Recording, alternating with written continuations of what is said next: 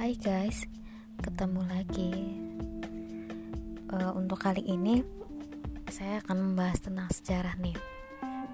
Ternyata pandemi sebelumnya sudah ada di tahun 1918. Yang terlupakan pandemi 1918 influenza di Hindia Belanda. Belajar sejarah kelam pandemi kesehatan atau ekonomi. Pandemi COVID-19 yang sedang melanda Indonesia dan sebagian besar negara di dunia tak jauh berbeda dengan flu Spanyol pada 1918 silam. Pemerintah Hindia Belanda pada saat itu juga memberikan himbauan kepada masyarakat agar patuh terhadap protokol kesehatan.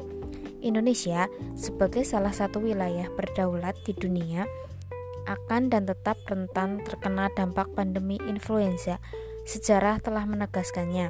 Penelitian sejarah pandemi influenza 1918 di Hindia Belanda menyatakan bahwa negara ini punya berbagai pintu masuk untuk berjangkitnya wabah yang merebak di dunia.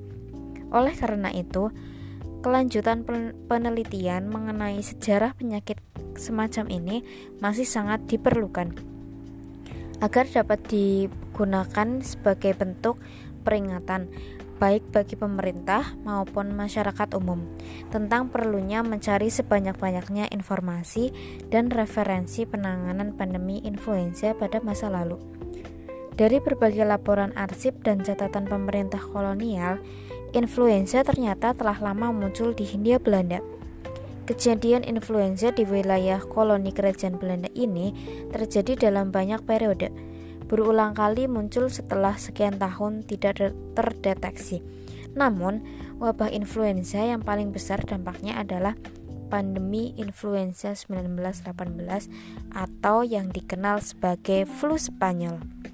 Wabah flu itu merupakan wabah penyakit yang terganas dalam sejarah umat manusia karena telah meminta korban jutaan orang. Diperkirakan antara 20 hingga 40 juta orang meninggal dunia karena wabah penyakit mematikan tersebut. So, untuk kalian, mari melangkah bersama gotong royong melawan COVID-19 dengan berpijak pada kearifan masa lalu dan visi bersama masa depan. Oh ya guys, jangan lupa baca bukunya ya. Judulnya Pandemi 19 18 influenza di Hindia Belanda. Di situ lengkap sekali sejarah kelam pandemi di masa lalu sebelum pandemi corona ini. Sampai di sini dulu ya. Terima kasih.